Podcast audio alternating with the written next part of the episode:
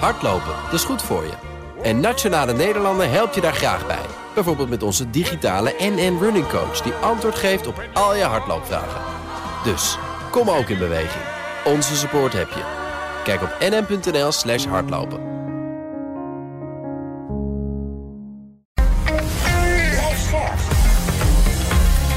BNR Nieuwsradio. The Big Five. Diana Matroos. De brexit, de coronacrisis en de oorlog in Oekraïne hebben gezorgd voor machtsverschuivingen in Europa. En ik wil heel graag weten wie heeft er nu de macht in Europa? Welk strategisch spel wordt er uitgevochten? En doen we dat dan een beetje slim? Ook als het gaat om onze positie als Europa ten opzichte van Rusland, de Verenigde Staten en China. En daarom ga ik deze week in gesprek met vijf kopstukken in BNR's Big Five van het Europese machtsspel. En vandaag trap ik deze week af met Hand en Broeken, directeur politieke zaken bij het Den Haag Centrum voor Strategische Studies, voorzitter ook van de BOVAG. En natuurlijk was hij ook twaalf jaar Tweede Kamerlid voor de VVD met uh, buitenland Zaken in de portefeuille. Han, fijn dat je er weer bent. Goedemorgen, eh, Diana. Uh, ik wil natuurlijk zo meteen uitgebreid met je hebben over de tegenstellingen in Europa. Want die spelen ons natuurlijk ook parten. Maar voordat ik dat ga doen, wil ik eerst twee dingen van je weten. En het eerste is: wat is nou jouw fascinatie? Met dat uh, machtsspel wat er gaande is en machtspolitiek? Hmm, goeie. Um, want ik, um, anders dan in Nederland gebruikelijk is, waar we het woord macht liever door invloed vervangen, uh, spreek ik daar wel over. Omdat ik vind dat je eerlijk moet zijn. En macht gaat altijd over uh, conflicten. En hoe je conflicten uiteindelijk kunt oplossen. En hoe wil ik van mezelf proberen een harmonieus mens te zijn. En harmonieus te leven. En ook eendracht um, uh, zeer op prijs stellen. Daar zullen we later deze uitzending ongetwijfeld over gaan hebben. Heb ik een enorme fascinatie op jonge leeftijd al ontwikkeld voor een machtsstrijd. En natuurlijk is dan de politieke arena waar die conflicten en die tegenstellingen worden uitgevochten, is dan al snel iets waar je naar kijkt. Dus ja op jonge leeftijd teken ik al uh, politici uit de krant na. En, Echt dus al met twaalf volgens mij, hè? Zo ja, vroeg begonnen het, zag ik ergens. Op ziek jonge leeftijd, ja. vrees ik. Misschien komt het ook wel omdat ik nooit heb leren schaken. Maar het rare is, ik las dus wel altijd schaakberichten in de krant. Maar dan hield ik op waar het begon met F9, G7, uh, Grunveld Indisch, ik maar zeggen. Ik weet niet eens of het kan, dat die vakken bestaan misschien niet. Maar zeg maar de beschrijving, ook bijvoorbeeld het radioprogramma van um, uh, meneer Beum destijds, dat, dat volgde ik. Dus iets fascineerde me in die, in dat twee partijen elkaar strategisch proberen uh, de loef af te steken en hun eigen uh, macht ja. op de ander te projecteren. En weet je wat dat iets dan is wat jou fascineert? Want uh, je zegt tegelijkertijd, we vinden het altijd heel moeilijk om het over macht te hebben. Dat is bijna een vies woord, terwijl ja, het natuurlijk gewoon reëel is. Ja. Dus wij, wij zoeken altijd om het water te verslaan, zoeken we elkaar op. En dan vervolgens meten we hele kleine verschillen, meten we eindeloos uit. Um, zonder nu die hele, dat hele hopeloze uh, debat over het speldje van mevrouw Helder uh, te willen overdoen. Maar dat is vooral een heel Nederlands debat. Hè? Want uh, we, we, nemen elkaar voortdurend te maat of iedereen wel voldoende deugt. Daar zit een soort meetlatgedachte achter. Mm -hmm. Dus in plaats van dat ik luister naar wat je zegt. Uh, luister ik eigenlijk naar wat, je, wat ik denk dat je bedoelt te zeggen. Dat is heel, heel Nederlands. In Duitsland um, uh, is er ook wel uh, zeg maar die, die, die um, gefixeerdheid op of je, wel, of je moraal wel in orde is. Maar daar luistert men veel beter naar wat je zegt. Dus die uh, debatten zijn veel rijker. En, uh, worden en ook reëler misschien. En, reëler. En worden dus ook bijvoorbeeld midden op de, op de avond worden die uitgezonden.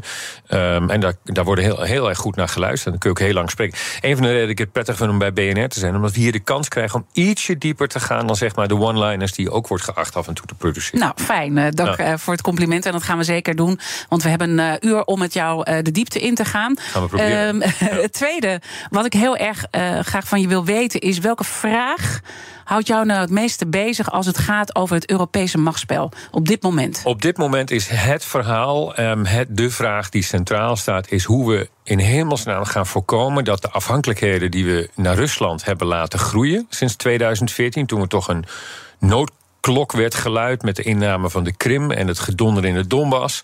Hebben we, zijn we als Europa zo'n 40% afhankelijker geworden van hun gas en olie. We hoorden net over de binnenvaart. We gaan er nog veel meer over horen. Vandaag begint die olieboycott. Gaan we misschien straks ook nog even over hebben. Op, op Rusland. Hoe hebben we dat zover kunnen laten komen? En waarom doen we op dit moment het in in, in tienvoud zo erg richting China als het gaat om uh, wat ik dan het liefst strategische grondstoffen noem, maar wat over het algemeen wordt aangeduid als uh, kritische uh, mm-hmm. grondstoffen en, en, en um, zeldzame aardmaterialen. Die zijn overigens niet zeldzaam, maar ze zijn zeldzaam omdat wij ze niet meer willen delven. En die hebben we nodig voor alles wat nodig is om die onafhankelijkheid van Rusland te bereiken. En Rusland is een land dat feitelijk niks meer is dan een soort tankstation waar je het liefst CO2-neutraal straks aan voorbij kunt rijden. Alleen dat lukt ons nu nog niet op weg naar een bestemming, want die halen we niet mhm. zonder Russisch gas en olie. Maar China, dat lukt niet. Daar kunnen we niet meer aan voorbij. Daar kunnen we ons niet van ontkoppelen. Eh, dus de fout die we de afgelopen um, kleine tien jaar, acht jaar hebben gemaakt. Ben ik zelf ook bij geweest. Heb ik zelf ook mee fouten ingemaakt. Uh, bijvoorbeeld door in het begin niet voldoende in te zien dat Nord Stream 2 echt geen alleen een mhm. economisch project was. Die maken we eigenlijk nu weer. Die maken we nu in verhevigde mate nog een keer. En die naïviteit van Nederland, uh, die in de Nederlandse boardroom leest de Trevenzaal het kabinet dus te vinden is. Maar helaas ook nog steeds in de boardroom van veel bedrijven.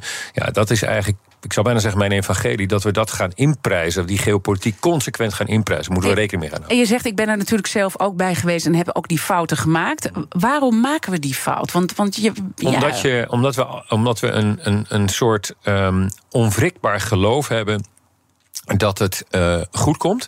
Dat is ook trouwens vaak wel zo. Um, uh, ik denk ook dat bijvoorbeeld deze gas- en energiecrisis wel kunnen gaan overleven. Het zal twee moeilijke winters zullen het worden.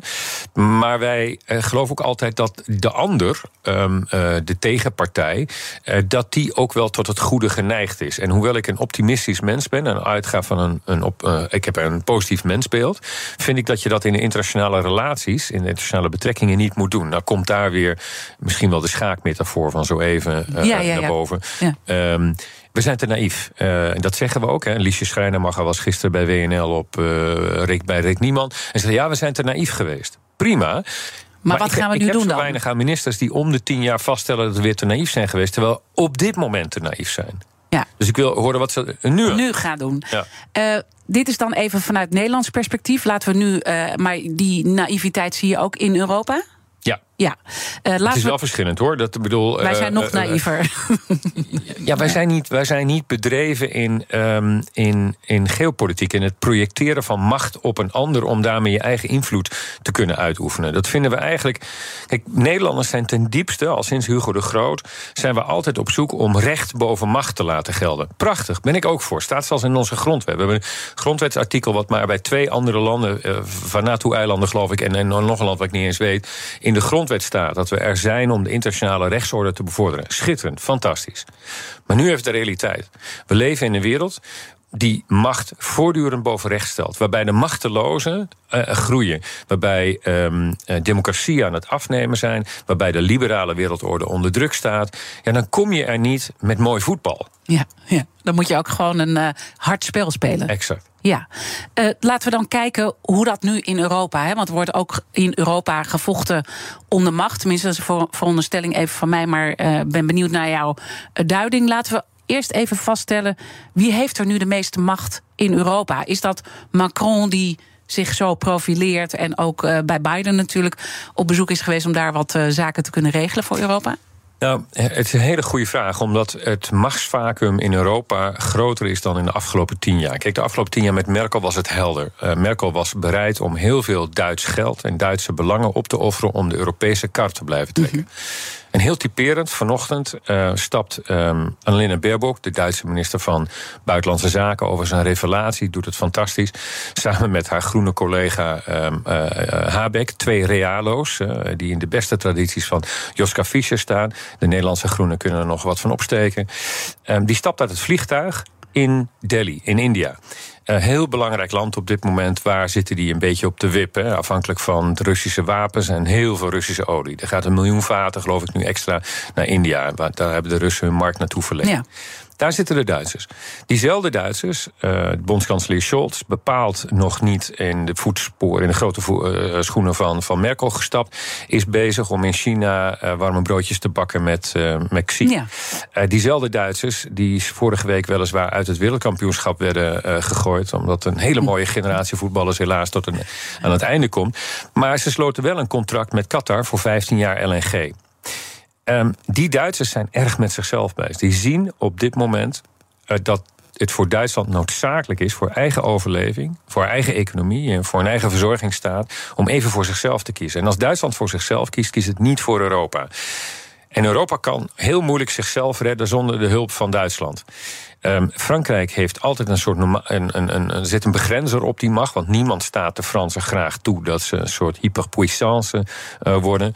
Maar we geven de Duitsers eigenlijk vrij exact. spel. Dus, dus dat, dat die, die as um, Berlijn-Parijs, waar vaak over gesproken wordt. en die, die uiteindelijk het, het voortstuwingsmechanisme van Europa met zich meebrengt. die is op dit moment wat in het slop. De Nederlandse positie is daarbij in de versnellingsbak. Mm -hmm. uh, dus wij zeiden, zitten niet achter het stuur vanzelfsprekend. Wij moeten ons ook niet laten laten degraderen tot de achterbank. We zijn ook niet op de passagiersstoel. Wij kunnen in de versnellingsbak kunnen wij af en toe uitmaken of iets een tandje sneller of langzamer gaat. Hè. Mm -hmm. uh, nu bijvoorbeeld Roemenië niet toestaan om in Schengen te gaan, omdat we vinden dat ze er nog niet klaar voor zijn. Dan kan Nederland dat tegenhouden. Kost een prijs. Voor een klein land altijd lastig om dat te doen, maar dat doen we dan kennelijk. Rutte, een van de meest ervaren Europese leiders op dit moment. En als je het dan hebt over machtsvacuum, Macron is het niet, uh, Scholz wil het niet. In dat machtsvacuum zie je onze premier, en ik heb dat al wel een paar keer gezegd, maar ik weet niet of het iedereen opvalt, maar die maakt een aantal airmiles op dit moment in Europa. Het, ik, ja, ik vind het ontstellend. Het is echt heel veel. Ik denk dat hij meer vliegt dan mm -hmm. Wopke Hoekstra en Liesje Schrijner. Maar zie jij hem als het oliemannetje? Ja. Ja. ja.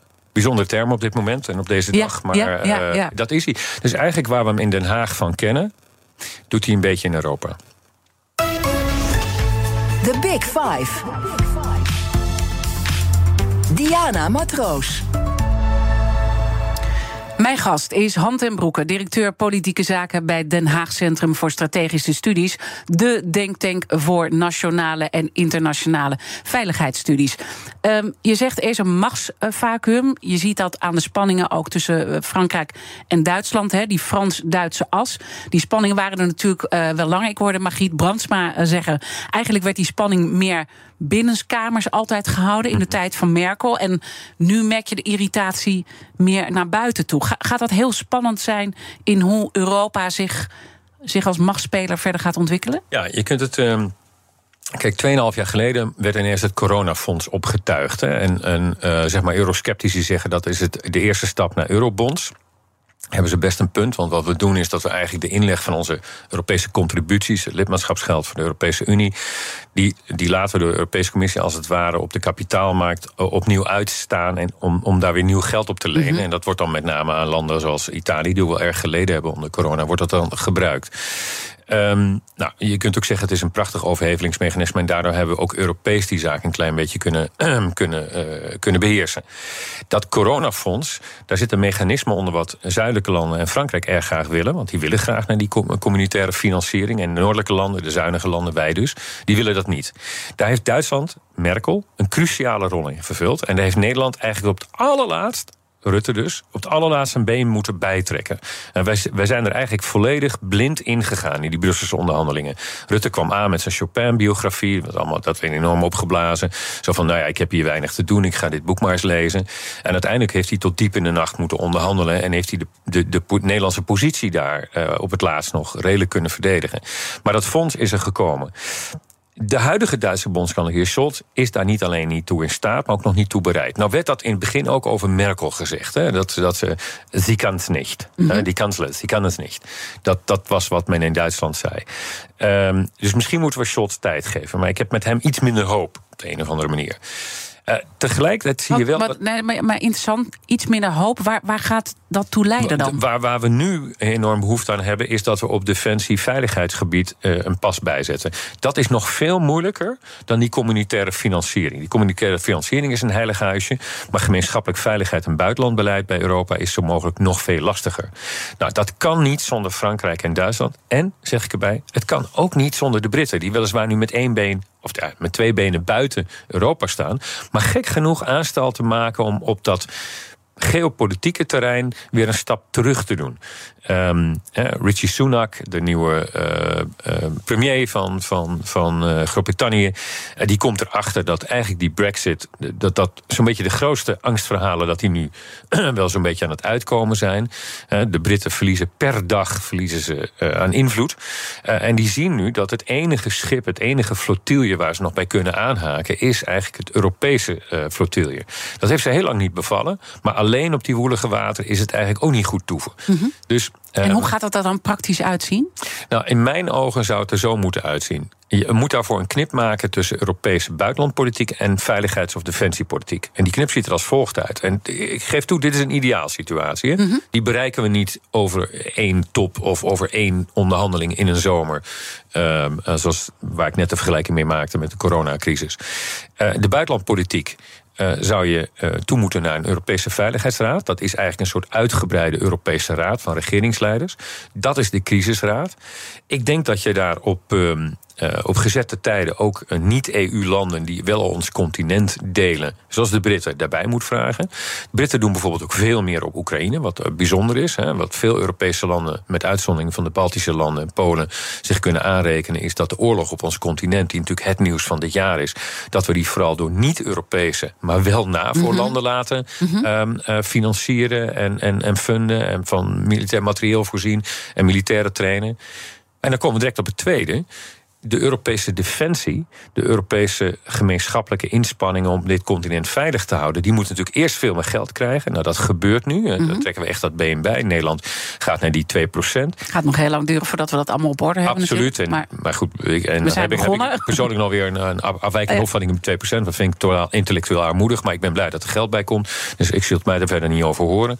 Um, maar dat kun je alleen maar doen door de niet-civiele EU, lees dus niet het Brussel van het Europees Parlement en de Europese Commissie zozeer, maar de NAVO, die zich nu opnieuw heeft bewezen, om daar binnen een Europese pijler op te zetten. Want daar spreken de militairen elkaars taal, daar oefenen ze met elkaar, daar delen ze materieel met elkaar, daar zijn ze effectief met elkaar. En daar kunnen ze, daar heb je um, bang for buck, zoals de Amerikanen dat zouden zeggen. En dat moet geschraagd worden door die civiele infrastructuur die er omheen zit. Dus ophouden nou, jij staat ook op het punt vast om het weer te doen, om over dat Europees leger altijd weer met dit soort zwart gat in de Nederlandse media, waar elke keer weer teruggezogen wordt nou ja, in, die, in die titel. Ik denk dat het uh, interessant is om ook even de kettingvraag hierbij uh, bij te pakken, want die heeft er alles uh, mee te maken. In de vorige aflevering was Niels van Woensel te gast bij mijn mm -hmm. collega Art Royakkers. Niels van Woensel is voorzitter van de Nederlandse Officierenvereniging en dat was een Big Five winter in Oekraïne. En Niels had deze vraag voor jou, Han. Heel erg gericht naar mijn eigen krijgsmacht. hoe kunnen we in de toekomst voorkomen dat we weer een krijgsmacht hebben die niet in staat is om de opgedragen taken uit te voeren? Nou, ik, een hele goede vraag van Van Moensel. En, en terecht ook, want die komt natuurlijk uit een periode waarbij hij altijd nee heeft gehoord en ja moest zeggen. Nee hoorde van zijn superieur als er iets extra's moest komen. En ja moest zeggen tegen politici zoals ik, die dan weer ergens een, een, een uitzending mogelijk maakten. Dus volkomen terechte vraag. Mm -hmm. Kijk, de Nederlandse krijgsmacht heeft drie grondwettelijke taken. Eén, beschermen van het eigen grondgebied en dat van de bondgenoten, de NAVO. Dat is logisch, dat is de koortaak van de krijgsmacht. Twee, daar komt hij, waar we het in het begin van deze uitzending over hadden. Het bevorderen van de internationale rechtsorde en stabiliteit. Eigenlijk het oude Hugo de Groot idee. We gaan varen de zeeën over. En het zou wel fijn zijn als daar een beetje stabiel is. Dat is mm -hmm. goed voor de handel. Dat is eigenlijk een, een, Nederland als BV. En het derde is het leveren van bijstand bij rampen en crisis. Dat laatste doet onze krijgsmacht. En er is veel te weinig aandacht, lof en, en waardering voor. Mm -hmm. Wat mij betreft, bij deze nog eens een keer gezegd. Nou, om te voorkomen dat de krijgsmacht onderuit, of dat, dat de krijgsmacht weer um, tot op het bot um, uh, uitgekleed wordt, zullen we ervoor moeten zorgen dat er structureel meer geld bij komt. En dan komt het debat. Moet je dat dan doen met die 2% van je nationale inkomen? Uh, mijn eigen partij en het CDA hebben nu daar een wet over ingediend. Nou, ik wil de mannen, ik ken ze heel goed, die dat hebben ingediend, niet per se afvallen. Maar voor mij is bekend, ik vind het intellectueel armoedig om dat op 2% te stellen. Ook, ja, ja. Waarom? Omdat je dan eigenlijk stopt met nadenken. En wat je doet, is je laat je, de stand van je nationale economie, dus hoeveel water komt er uit de kraan, um, laat je uh, bepalen of je veel of weinig aan veiligheid doet. Mm -hmm. Dus als er het waterleidingbedrijf even geen water meer oppompt, ja, dan moet dus de krijgsmacht minder geld. Even hè, in vergelijking met de afgelopen twee jaar, dan zouden we dus bezuinigd hebben op de krijgsmacht. Want ehm, ja, corona heeft onze economie een klap Ja, ja. gegeven. Niet handig lijkt me met de Oekraïne-crisis. Maar wat dan wel? Nou, ik vind dat je de veiligheidsanalyse die je maakt, die moet altijd uitgangspunt zijn voor je veiligheidsbehoeften en dus ook voor je veiligheidsinspanningen. Maar goed, ik realiseer me dat is politiek veel te moeilijk. Want krijgsmachtinvesteringen heb ik zelf natuurlijk ook meegemaakt. Ja, die, daar moet je ontzettend aan leuren en trekken. En daar, daar win je geen verkiezingen mee. En als puntje bij paaltje komt, dan zijn er te veel politici die dan daar weer voor wegrollen. Want dat is toch nou ja, het is iets makkelijker geworden. En er, er gaat nu ook natuurlijk meer geld naartoe. Maar, maar de vraag is ook, denk ik, wel bij nieuws die eronder ligt: Europese, en ook in deze week, hoe moeten we het Europees nou beter regelen? Nou ja, wat ik net zei, dan moet je dus onder de NAVO nadrukkelijker je continentale veiligheid, je continentale ehm, eh, bescherming zelf gaan doen. Ik geef je een voorbeeld en ik denk dat Niels daar ook wel mee eens zal zijn. Buitengrensbewaking, dat is iets waar we als Europa heel veel behoefte aan hebben. Dat is niet alleen Frontex. Frontex zou wat mij betreft deels mogen militariseren, zoals je dat bij andere continenten ook ziet. Dus je moet die buitengrens gaan militariseren. Ehm, je moet een effectief eh, migrantenbeleid, eh, illegale olie uit Libië stoppen. Ehm, eh, je moet wapensmokkel, waar nog altijd veel sprake van is. Dus je moet eigenlijk ons continent gaan beveiligen. Amerikanen komen dat niet meer voor ons doen. In de Spaanse haven Rosa ligt nog altijd de Amerikaanse zesde vloot. Dat is een kleine vloot. We maken veel gebruik van de vijfde vloot als het om het Midden-Oosten gaat. Ehm, De Amerikanen zouden er eigenlijk bij gebaat zijn als ze een deel van hun assets, dus een deel van hun militaire ehm, middelen, zouden kunnen inzetten in bijvoorbeeld Azië, Taiwan, om maar eens wat te noemen. Het is ook in ons belang dat ze dat doen. Maar dan moeten wij zelf aan die buitengrenzen met fregatten en met corvetten, en dat zijn dan de wat kleinere, langzame fregatten die voor kustbewaking interessant zijn, die zou je daarvoor moeten inzetten. Hier in onze eigen Noordzee eh, doen we nu eh, een aanbesteding voor een windmolenpark... wat straks 3 miljoen Nederlandse gezinnen van elektriciteit moet gaan voorzien. Die aanbesteding hebben we zo goedkoop mogelijk gehad. Heel Hollands, zijn we heel blij mee. Heel dom. Geopolitiek ontzettend naïef. Van de kabels onder de zee, eh, er wordt niets beveiligd. Er zit geen sensorenpakket in, er zit geen dubbele lijn in. Eh, er, zit, er is onduidelijk welke politieke verantwoordelijkheid daarvoor is. Er zijn geen kustwachttaken die daarvoor zijn uitgerust. Ja, en we Ja, hebben nu net dus- gezien in de Oostzee... dat er een kleine ontploffing is geweest. En dus blijven we ook eh, ehm, afhankelijk. We moeten denk ik straks verder praten Ja. in het eh, tweede half uur. Want Maar dit, dit zijn dus zaken die we Ja. direct kunnen, kunnen opvatten. En als je dat doet en je koppelt het aan directe veiligheid en directe eigenbelangen, dan creëer je ook electorale steun. En als je electorale steun hebt en men herkent dat, dan kan die ook duurzaam zijn. En dan wordt die defensie ehm, als, als issue op de politieke agenda wordt hoger. En ik zeg je, eh, dat is misschien nu wel even het geval, omdat er nu geld is. Maar wat gebeurt er als de recessie leidt tot werkloosheid en er komen, komen en dan weer heel andere... hebt dat al, allemaal weg. Eh, straks praat ik verder met Han ten Broeke. En ehm, ja, ik hoor je ook steeds meer zeggen... we moeten veel meer één front vormen eh, in Europa. Maar er zijn natuurlijk ontzettend veel tegenstellingen in Europa. Daar gaan we zo meteen verder over praten. En natuurlijk ook over industriepolitiek. Want dat is eh, een steeds belangrijker issue ook geworden in Europa. Blijf luisteren. Hardlopen, dat is goed voor je. En Nationale Nederlanden helpt je daar graag bij. Bijvoorbeeld met onze digitale NN Running Coach... die antwoord geeft op al je hardloopvragen. Dus, kom ook in beweging. Onze support heb je. Kijk op nn.nl slash hardlopen. Business Booster. Hey ondernemer, KPN heeft nu Business Boosters. Deals die jouw bedrijf echt vooruit helpen. Zoals nu, zakelijk tv en internet, inclusief narrowcasting... de eerste 9 maanden voor maar 30 euro per maand. Beleef het EK samen met je klanten in de hoogste kwaliteit. Kijk op kpn.com slash businessbooster. Business Booster. BNR Nieuwsradio. The Big Five. Diana Matroos. Welkom bij tweede halfuur. Fijn dat je weer luistert. Deze week praat ik met vijf kopstukken uit de wereld van het machtsspel in Europa. Later deze week zal ik spreken met Esther de Lange. Zij is Europarlementariër van het CDA en vicepresident van de Europese Christen-Democraten.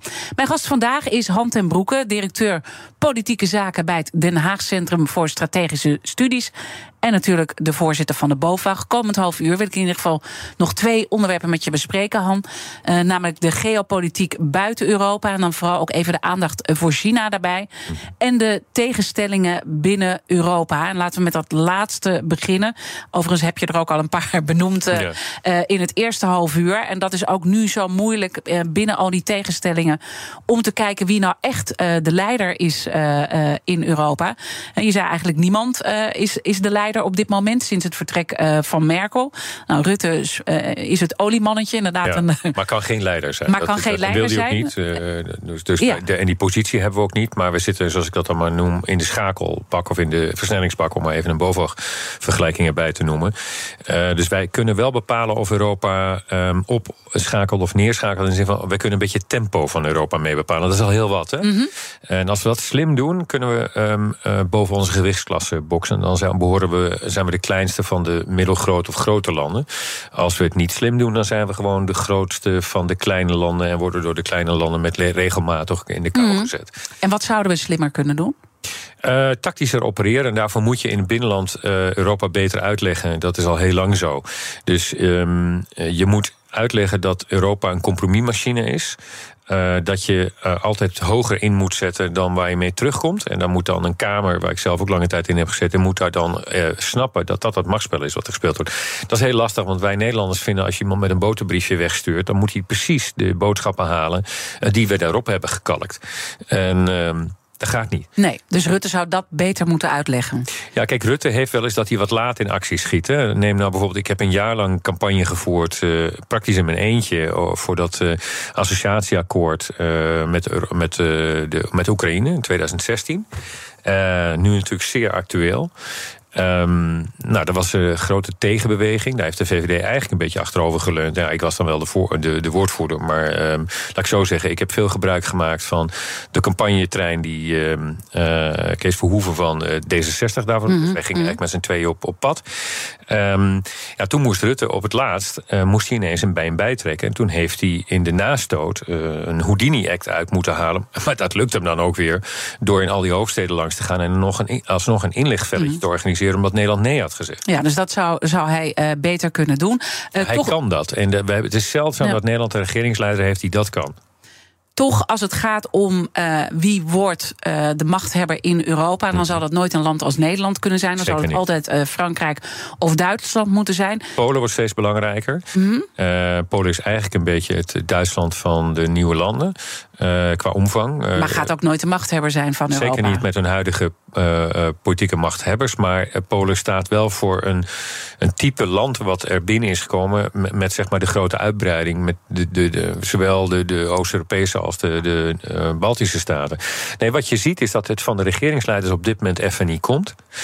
Het komt wel heel erg van de Europese Commissie. Dat is oorspronkelijk de aanjager van de Europese integratie altijd.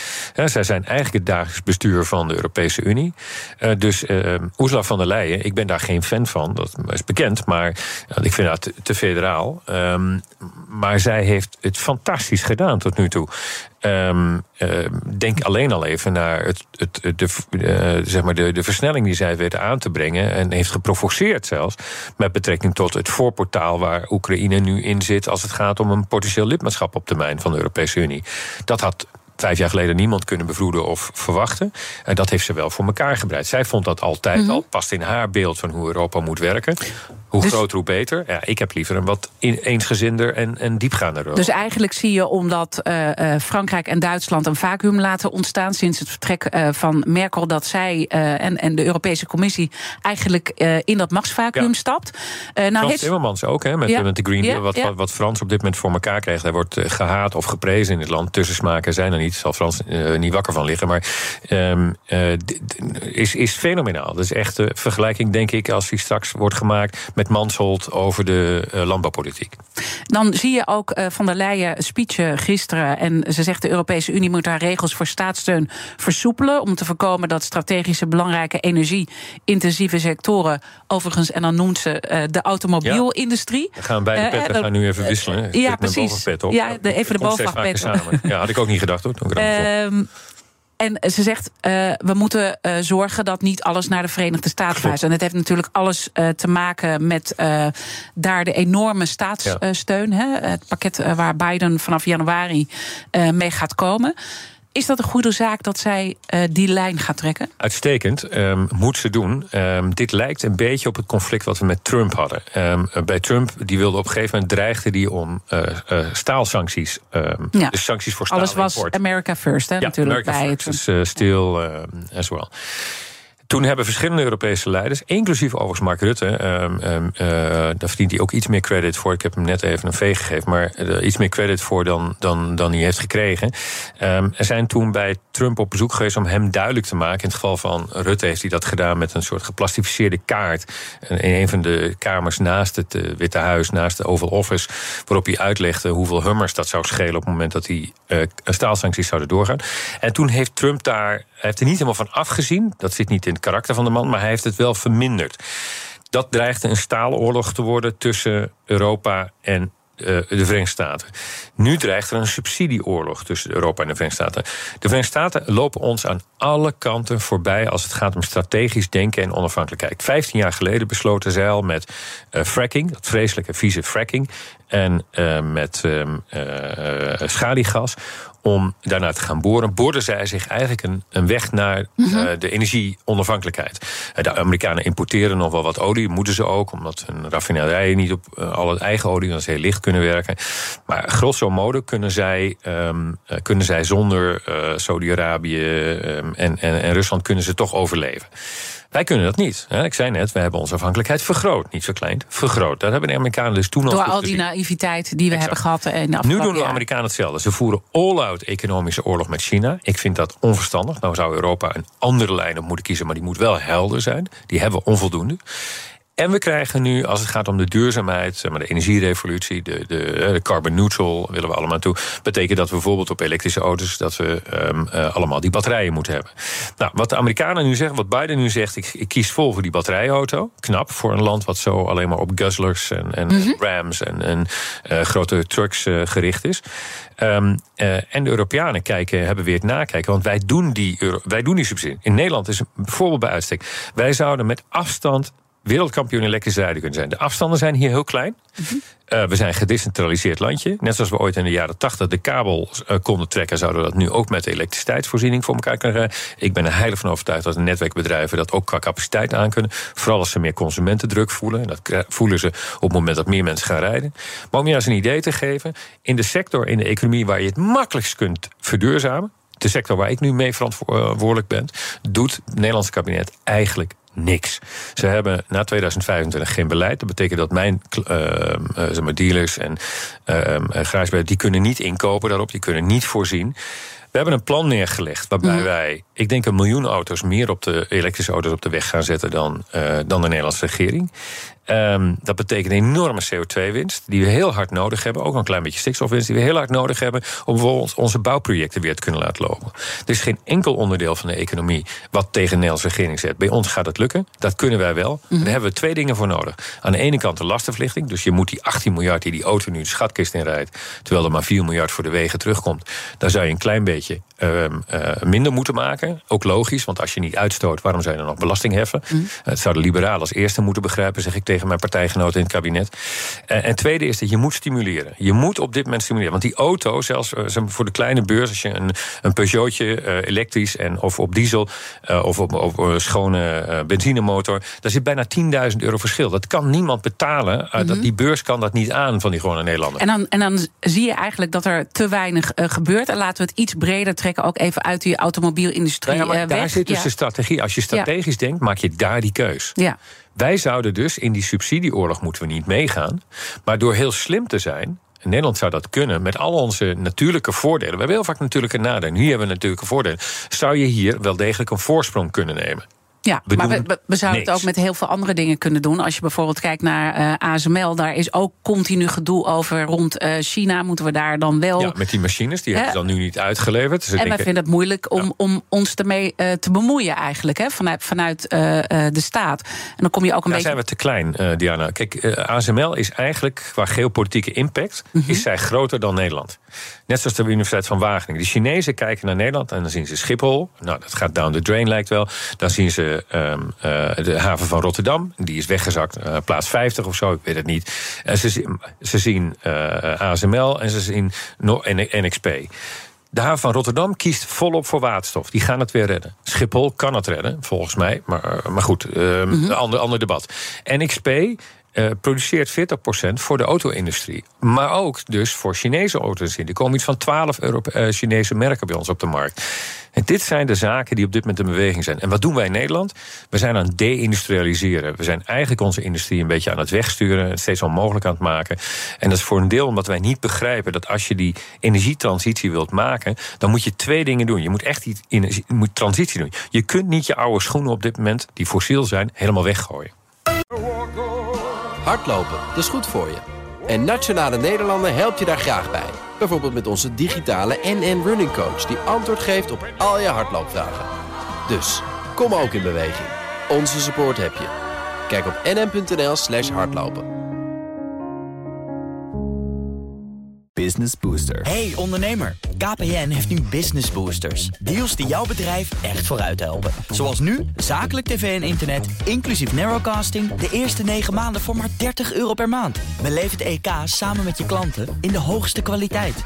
Kijk op kpn.com slash businessbooster. Business Booster. BNR Nieuwsradio. The Big Five. Diana Matroos.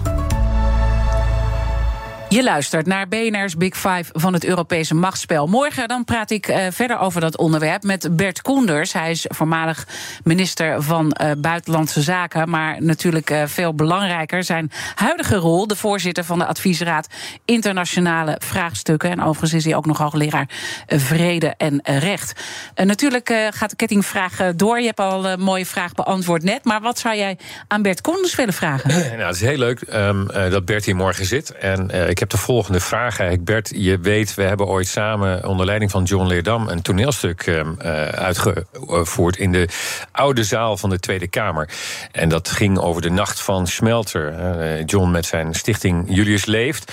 Um, jij deed er een paar keer mee, ik deed er ook aan mee. We hebben dat samen zitten oefenen. En volgens mij tot een, een jouw lichte irritatie mocht ik Joop den L spelen. En als ik het niet mis heb, was jij uh, Norbert Smelter. Maar kan het, kan het mis zijn met die laatste.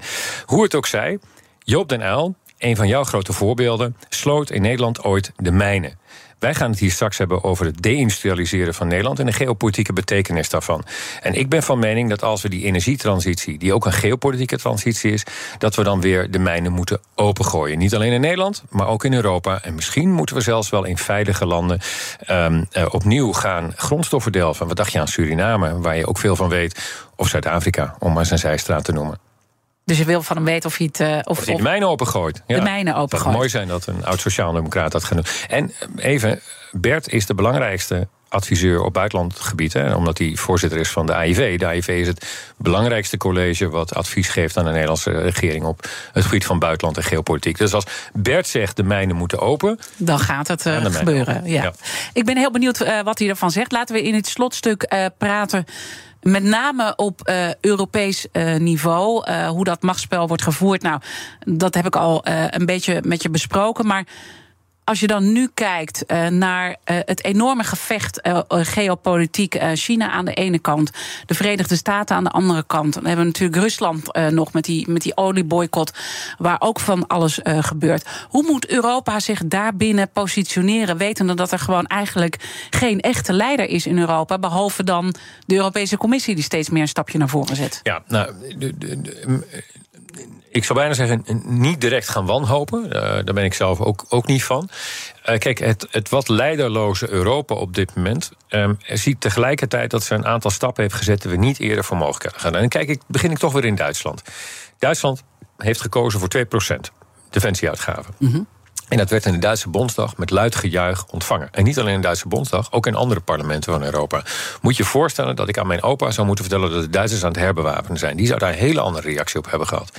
Twee, de Duitsers hebben um, in amper zes weken afscheid genomen van iets wat bijna 60 jaar de kern van hun buitenlandpolitiek was. Namelijk de Oostpolitiek, die ooit onder Willy Brandt, eigenlijk nog daarvoor hoor, maar eh, bekend geworden in Nederland onder Willy Brandt, is, is begonnen. Dus dat wil zeggen, uh, wandel door handel. Um, uh, dus wij moeten voorzichtig aan met, met autocraten als de Russen, want we hebben de Rusla Rusland nodig. We delen een continent met hen. Dat laatste blijft, dat is ook zo.